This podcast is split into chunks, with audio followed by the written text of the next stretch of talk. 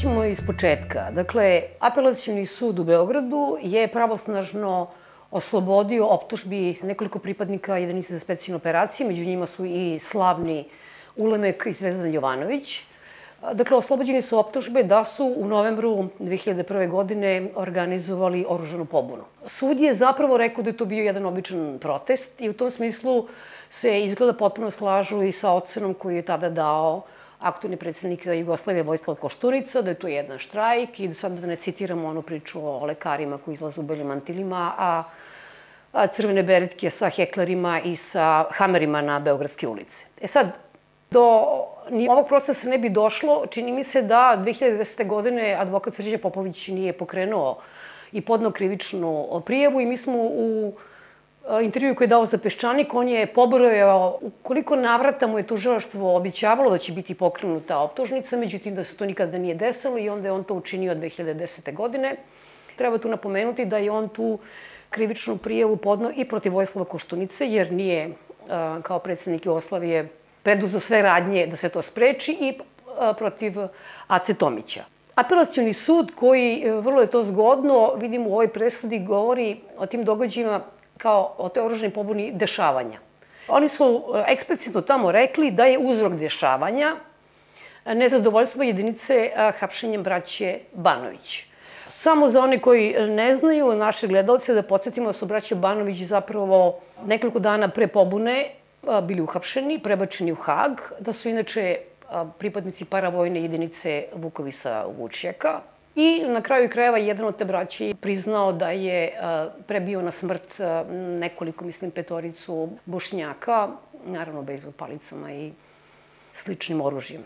Dakle, ja vas molim za početak da nam kažete samo taj kontekst. Zapravo tu je reč o toj sradnji sa Hagom čuvenim, ako se ne varam.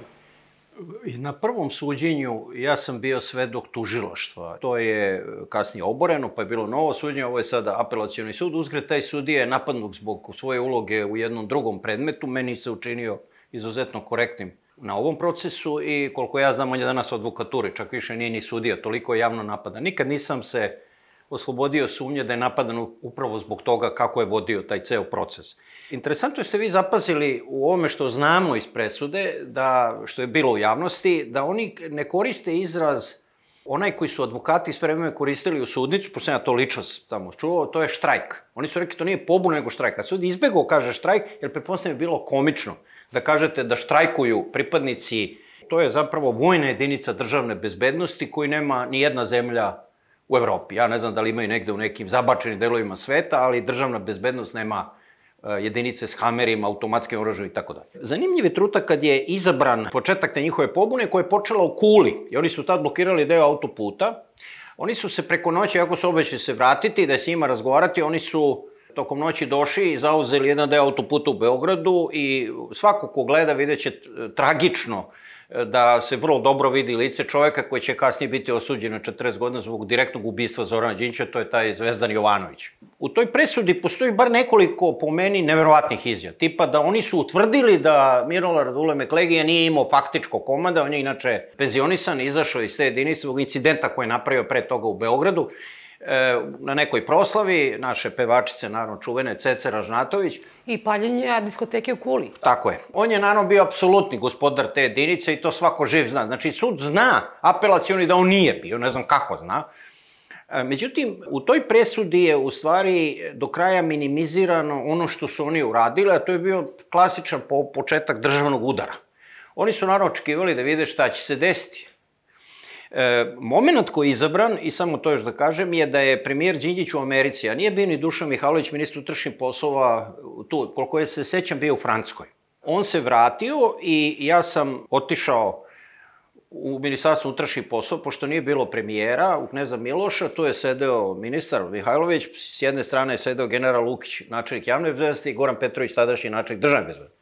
U nekom trutku je Zoran Đinđić došao, on je otišao kući, pravo je otišao u MUP i sećam se, on je pitao generala Lukića, generale, ako ta jedinica sad krene da zauzima javne ustanove po Beogradu, vladu i tako dalje, imate li nešto što možete da uradite? Ja sam svedok da je general Lukić rekao, gospodine premijeru, mogu ja da vas branim sa automatskom puškom, ne postoji ni jedna policijska jedinica koja će puca na njih. E sad da vas podsjetim da vlada Srbije nije imala vojsku. Vojska je pripadala takozvanoj saveznoj vladi, Savezne republike Jugoslavije, odnosno Vojislav Koštunica je njom rukovodio. Srbija je imala samo tu policiju. I tada je Zoran Đinjić rekao, i danas pamtim tu rečenicu, e, to je onda nešto drugo. I Zoran Đinjić je otišao u Kulu, on je doživio jedan krupan politički poraz, i on je bio primoran da smeni, jedan je smenjen, da ostavku, to je nebitno, načelnika i zamenika načelnika državne bezbednosti, oni su doveli svoje ljude. Ne Andriju Savića koji je postao načelnik, on je tu bio više kao da, eto, nisu oni, nego je bio, naravno, Brcanović, tač, kasnije takođe osuđen i odležao je tu kaznu zatvorsku.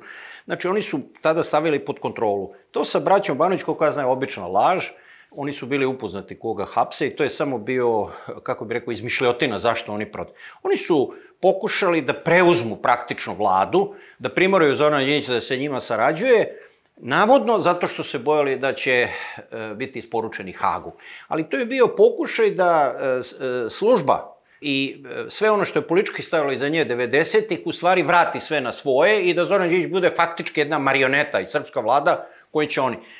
Od tog trenutka, ja sam sasvim saglasan s Srđom Popovićem, pokojnim našim vrlo poznatim advokatom, da tada kad je Kuštunica podržao njih, on je u stvari poslao poruku da jedan deo te nove vlasti, pa ste, to je ta prva godina kad je ta postoktobarska vlast, da je u stvari će da ih štiti. Od tog trenutka je zapravo sudbina Zorana Đinjića bila zapečećena. To je bio uvod u njegovo ubistvo. On se provukao kroz to, on je otišao u Kulu, on nije dozvolio Dušanu Mihajloviću da ostavku, on je smatrao da je žrtva koja mora podnese rušenje načelnika državne bezbednosti njegovog zamenika, ali se tada pokazalo, i to je bilo poruka ljudima koji su bojali Haga i konsekvenciji zločina iz 90-ih i pljačke, da postoji jedan deo vlasti, u ovom slučaju najpopularnija ličnost. E, to je Vojislav Koštunica koji će da ih štiti. Sve iza počiva na tome što se dogodilo. To je bio jedan javni ogled, da je Zoran Đinđić slab, da ti ljudi mogu da ucenjuju i da prete, da policija neće reagovati, a da Koštunica je spreman da štiti ovo. Naravno da to nije bio nikakav događaj, nigde u svetu da vam izađu naoruženi ljudi sa oružjem na ulicu, se ne može to drugačije shvatati. Tamo inače i uzgre samo i to da kaže da ne budem dug, jedan od argumenta zašto ni uvedeno varedno stanje, ne znam čisto pravno da li je Srbija mogla sama da zavede varedno stanje i bi to morala da radi jugoslovenska vlada. Oni su pobrojali šta bi oni uradili kad bi oni... Znači, to je presuda, onaj deo koji sam video je sramotno. To je jedino što mogu reći. Oni odlično znaju da je to bila oružena pobuna. I ono što ja mogu da kažem, ja da sam danas na vlasti, ja bih bio jako zabrinut. Jer to je poruka ovoj vlasti. Otkud oni znaju da nema neke jedinice koja za račun, ne znam koga. Sutra neće da izađe na ulicu tako naoružana i da kaže mi spasavamo Srbiju od izdajnika, pljačkaša, nije važno s kojim argumentima. Drugim rečima, e, kratkovida je ovo radovanje režima koji ćuti, jeli? I veliki deo opozicije ćuti. Vrlo malo ljudi je reagovalo, ko veli, eto, dobro, završilo je vrlo važno, nema Zorana Đinića, novo je vreme. E, ovo je poruka da e, Srbija koja je imala pučeve, koja je godinama grcala pod teretom ubistva Obrenovića 903. godine i platila visoku cenu tog ubistva kralja i kraljice, da je još uvek zemlja u kojoj su vojni pučevi i policijski pučevi moguće. To zaista nije baš više karakteristično za savremenu Evropu. Vratit ću se samo na trenutak na, na neke detalje koji su možda samo detalje, a možda e, imaju nekog značenja. U momentu kada jedinica za specijalne operacije izlazi na ulice, u tom momentu njihov faktički komandant e, Milorad Uleme Klegija odgovara pred istražnim sudijom za atentat, pokušaj atentata na Ibaškoj magistrali, tako? Tako je. Mi smo odmah to videli i ima jedan broj ljudi tada je smatrao da je to bio zapravo direktan povod. Zašto je izabran baš taj dan? Da se zaštiti zapravo uh, Uleme koji je uh, naravno organizovao taj atentat na Vuka Draškovića u kome su stradala četiri čoveka, uh, brat Danice Drašković bio u kolima s njim, Vuk Drašković je zaista čudo preživeo i tri njegova telohranitelja koji se izgorela u automobilu. Oni su pokušali na svaki mogući način da zataškaju kako bi rekao, zločine iz prošlosti, ali sa dubljim smislom da zataškaju sve one grozne zločine koji su učinjeni u Bosni, u Hrvatskoj e, i na Kosovu. Znači, oni su smatrali da e, treba pokazati da nema e, vlada snage, da ona ne može s tim da izađe. Znači, oni biraju trenutak kada ovaj odgovara, kada je Đinđić u Americi, kada ministar trenutno nije u zemlji. Znači, oni su dosta vešto sve to sklopili I naravno, nikada istraga to suđenje nije moglo, neka produžena istraga koju je tražio Srđa Popović, nije ko je politički to sve podržao. Koštunica je javna, ali ko je sve stavio iza toga? Ja ću sada navesti samo neki od ovih argumenta, tako da kažem, koje je naveo apelacijuni sud. Dešavanje, ponavljam, taj, taj... Da, čudan izraz. Čudan izraz, jel tako? Dešavanje u novembru 2001. godine ne predstavljaju ugrožavanje ustavnog uređenja, a jedno od dokaza je da nije prihvaćen zahtev njihov da se smeni ministar Mihajlović i da je donet na kraju krajeva i taj zakon o saradnji sa Haškim sudom. to je sve nevjerovatno. Znači, e, ministar Mihajlović nije smenjen zato što mi je tada pokojni Zoran Đinjić rekao, pa ako mogu da smenju ministre, ja više nemam nikakvu vlast u ovoj zemlji. Znači, Zoran Đinjić je kao svaki političar pokušao da izvuče onoliko kompromisa koliko je mogo, jer je bio poražen. Ta rečenica generala Lukića, ja nema policijske jedinice koja će njima oružano, ja, ta rečenica mi je tako strašna da i danas pamtim. E sad, taj kompromis je išao dotle, da je on smatrao da će da smeni ovu dvojicu. E, međutim, e, još, je, još je čudniji argument, puč je uz, e, samo kad je puč uspešan, onda je, onda je vojni puč. A ako nije uspešan, onda nije vojni puč. Onda je dešavanje. Da, to je dešavanje. To je potpuno, mislim, to je, kako bi, ja ne vredim da bi svojim prve godine prava mogao da brani ovako javno, ovako budalaštinu od, od, od, od Edizija. Kaže, nije dokazano da su oni bili spremni da upotrebljavaju oružje. Ajde sad neku najbanalniju analogiju. Uđe čovjek u neku kafanu, ljud s pištoljem i preti i onda suđenje i kažu pa kao prekršajno se kaže, on u suštini nije bio spreman da koristi oružje. E, da odem na, malo, ipak sam se bavio naukom. Teleološka objašnjenja su najčešće sasvim pogrešne, jer one, oni ishodom tumače uzrok. Ovo je klasičan primer teleološkog objašnjenja. Pošto nije upotrebno oružje, mi znamo da oni nisu hteli da ga upotre. A kad ja pitam nezavisno, kako ste utvrdili da, jeste razgovarali s njima, jesu oni rekli, ako su rekli, imali, a zašto ga poneli? Ako niste, od koga su se branili? Oni su uniformno. Od koga, jesu oni tačno branili od nekoga? Znači, e, e, e svako ko je sa oružjem izašao na ulicu, neovlaćeno, e, bez ikakve, e, kako bih rekao, podrške, jer oni su direktno zapravo tada odgovarali ministarstvu unutrašnjih poslova. Jesu pitali ministra, jesu pitali direktora policije, koga su pitali? Nikog. Znači, to je klasična pobuna. Oni kažu, pošto nisu pucali, mi znamo da oni nisu to ni hteli. Dakle, deca ponela, da opet koštunici na argument. Eto, kad vojnici štrajkuju. E, inače, mislim da je e, od same činjenice da je e, ovakva presuda skandalozna, još puno skandaloznije ovo obrazloženje. I tu ima sada jedna rečenica, jedna sintagma, kaže, najodlučnija činjenica koja govori u prilog ove presude, oslobađajuće, je ponašanje vrha vlasti. Oni kažu ovako, ako je to bila oružana pobuna, što vlada nije proglasila vanredno stanje? Drugo, zašto službe bezbednosti nisu stavljene u, kako se to kaže, stanje borbene gotovosti, ili kako se to zove? I zašto na kraju krajeva, ako je to bila oružana pobuna, vlada nije procesuirala te pobunjenike? Ono što je što se oni prave da ne vide, to je da je Zoran Đinđić u stvari politički poražen. Samo pravio da zapravo nije. Znači, onaj, vi ga vidite na snimku, to je snimala jedinica specijalne operacije, on u kuli, Legija mu predaje raporte. Sad me interesuje, ako nije komando jedinicom, šta je radio Legija u kuli? Oni kažu, imao nikakvu kontrolu nad jedinicom. Ono što oni nisu, ne znam da li ima u presudi, Dejan Mihajlo kao sekretar vlade Koštuničine E, iz nekih razloga koji su meni nejasni. Sednice naše vlade se snimaju tonski i vodi se stenogram, uvek. Ali, on je otišao u arhiv i on je uzeo delove te dve sednice vlade koje su bile to popodne, iseko je deliće i vrlo vešto sklopio. To nisu cele rečenice. Znate, rekao je kardinal Rešelje, dajte mi bilo koju rečenicu, bilo kog čoveka, naći u njoj nešto da ga obesim.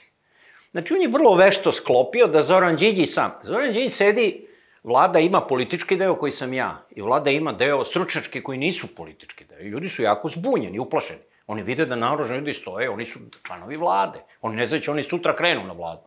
I Zora njih u stvari smiruje i kaže ne, ne, ne, ne. U jednom trenutku, znači ja stojim iza ovoga što govorim, Zoran Đinjić kaže, molim vas da prekinete snimanje, kaže stenografima, to su uh, mlade žene, devojke, kaže, hoćete izaći iz sale. I onda on kaže nama otvoreno, to je pobuna, ja moram tamo da odem, da napravim neki kompromis da se to zaustavi. Srbija jezivo izgleda sa tim naoružanim ljudima koji nam preti. Znači, Deja Mihajlov je napravio jedan falsifikat kao sekretar vlade, naravno s kuštuničnim sigurno nije sam od sebe odšao i to vadio iz arhive, i onda je još time teo da, to je se pojavilo na, za suđenju, to su koristi advokati odbrane.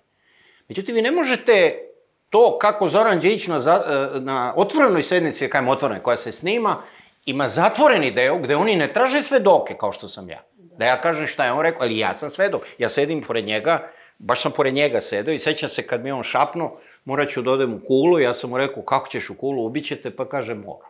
I on je stvarno otišao u kulu i tamo je u suštini doživao jedno poniženje, jer je morao da smeni načelnika državne bezbednosti i njegovog zamenika. Ono što je rekao zamenik tužioca Dragan Rajković jednog časa, a to je da, da li, da li vi delite to mišljenje, da ovaj sud uh, nije cenio ili da uopšte nije ozbiljno uzimao razmatranje svedočenja samog ministra policije tadašnjeg koji je govorio o tome kao oržanoj pobuni ovaj, Mihajlovića, a onda je nabrojao i neka svedočenja Čedomira Jovanovića i nekih drugih ljudi koji su svedočili ko, o, u prilog činjenici da je to bila oružana pobuna. Ne, oni su to potpuno preskočili. Znači, neposredne učesnike, uzga bude čan, oni su otišli u kulu, bili su i Čedomir Jovanović i Dušan Znači, on je potpuno to sud zanemario. Znači, on je samo praktično se, on je, on je, ako mogu da kažem, pružio bolje obrazloženje nego odbran. Da. Odbrana je govorila to štrajk, što je stvarno još jednom idiotski. Mislim, izvinjam se na toj reči, štrajk, kakav štrajk? Mislim, pa nije to štrajk e, vaspitačica u obdaništu, pa onda kao tog dana ne radi obdani. Znači, e, e, oni su zapravo e, prevazišli sebe, bar po ovim delovima koje imamo, tvrdeći da je to tako, jedan događaj bio, šta da radimo, iako je Srđa Popović im dao sve da u stvari može da se to suđenje krene u jednom sasvim... Oni su mogli da zovu Koštunicu, pa ga nisu zvali. Šta je on teo da kaže sledeće? Ajde vidimo. Pošto je jedna grupa uglednih ljudi, njemu bliski politički, napisala jedan čuveni pamflet u kome on ne može da odgovara. Drugim rečima, on je jedini čovjek u istoriji Srbije koji ne može ni pod kojim uslovima da se pojavi na sudu. Iako on može spojiti u sudu i kaže ja... Pa kao svedok je mogu da, mogu se da pozove kao znači, svedoka. Da, da, pa to je, vrlo, to je opet sad priča za sebe. Jedna gomila uglednih ljudi, čak i pravnika, je potpisalo da je on ne sme da se pojavi. Znači, to je meni bilo neverovatno. To je bilo i profesora pravnog fakulteta koji se potpisao. Znači, to je, kako bih rekao, uh, uh, uh, deo priče, šta god rekao apelacionicu, to je deo priče da su ti ljudi u stvari sve to u interesu države i naroda, I ne može biti nikakva slučajnost da su upravo ljudi iz te jedinice, upravo ljudi koji su bili na autoputu, kasnije ubili Zorana Đeđića.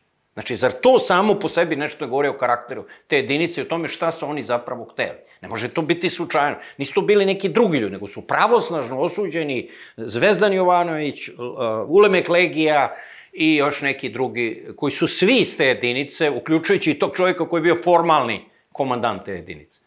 Srće Popović, kada je podnao tu krivičnu prijevu, naravno, to je bilo sve u kontekstu suđenja za atentat na premijera Đinđića u cilju da se rasvetli ta takozvana politička pozadina atentata i on je tada eksplicitno i, i naveo da smatra da je pobuna ISO i reakcija državnog vrha, simbolizovana u Vojislavu Kuštunici, zapravo bila na neki način uvertira u atentat 12. marta. E sad, Prošlo mnogo godina. Ogroman broj ljudi u ovoj zemlji više ne zna ni šta je bilo od tog novembra. Znaju i da je već Ulemek 40 godina osuđen, da je Zvezdan Jovanović osuđen na 40 godina, da je jedinica rasformirana. Kako onda objašnjavate činjenicu da apelacioni sud ipak donosi ovakvu jednu presudu? Mislim, čemu to sad služi? Zašto se to sada dešava? Moram iskreno reći, to je ključno pitanje Ja imam odgovor na to pitanje. Oni su znali, ako bude osuđujuća presuda, ili čak da se zatraži jeli, novo suđenje, da bi to moglo da otvori neke dodatne istrage vodile do ljudi koji su danas na vlasti u Srbiji. I to je njihov strah. Znači, oni se boje da će da otvore jedan osinja koji je zatvoren. Sve na vreme se pojavi, kao što je bio bivši načelnik kriminalističke policije Milović. Videli ste kakvom čutnjom su to propratili zvanični mediji, jer oni bi morali njemu kažu ili da laže, ili da iznesu argumente protiv toga. Znači, najbolje je to ignorisati. Znači, e, oni su se jako bojali, nisu oni tako naivni da ne znaju šta su odlučili. Ja ne znam te ljude odmah da kažem ni lično, ne znam čak ni imena. Oni znaju da ako tu priču ostave otvoreno, da će ona ponovo se, ovaj, e, kako bi rekao, vratiti na onaj, kako bi rekao, prvobitni greh. A to je, ko su ljudi koji su u suštini od samog početka radili eliminacije Zorana Đinđića i te ideje da ipak mora da se odgovara bar na neki način za 90. godine. Vojislav Koštunica je e, učinio dve stvari koje su bile zapravo uvod u bistvo Zorana Đinđića. Prva je bila 28. juna, to je, mi smo upravo u junu, kad smo izručili Milošević pojavio na televiziji uveče rekao, on je tad rekao da je to državni udar. To je vrlo interesantno bilo.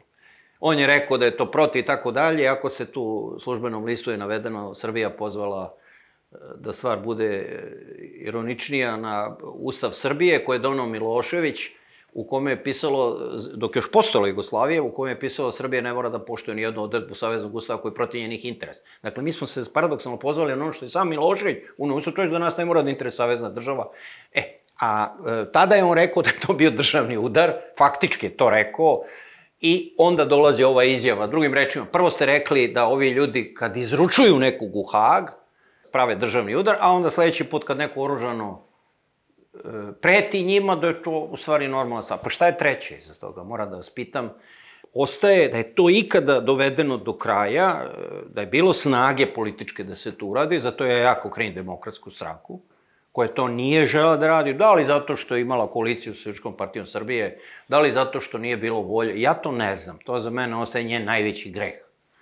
Ali da je to nastavljeno, vi biste onda imali otvorenu jednu priču i ne bi ovako lagodno svi ljudi iz 90-ih nas vređali.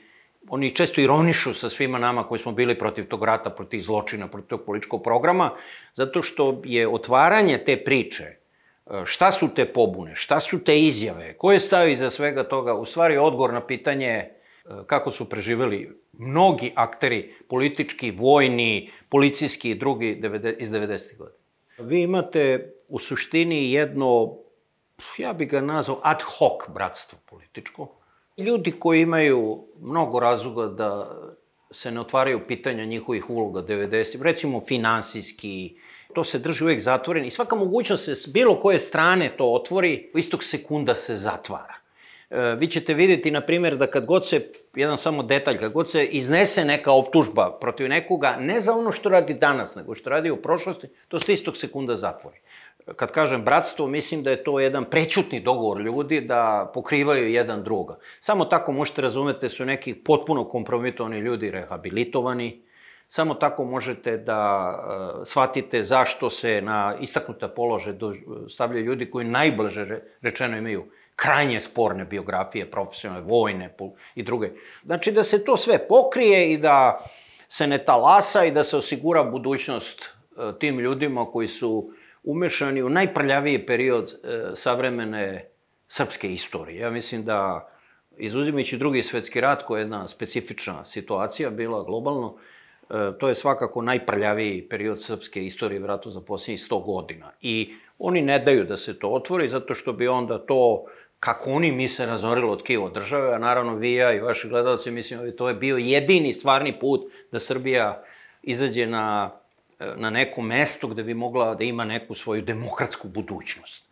Dakle, vi sami nekad se šokirate koga oni dovedu. To su često male pozicije u državi, u društvu, ali svejedno, novinari koji su huškali na rad, svi su se vratili. Znači, cijelo jedno bratstvo, u stvari, koje podržava jedno drugo. I oni odlično funkcionišu.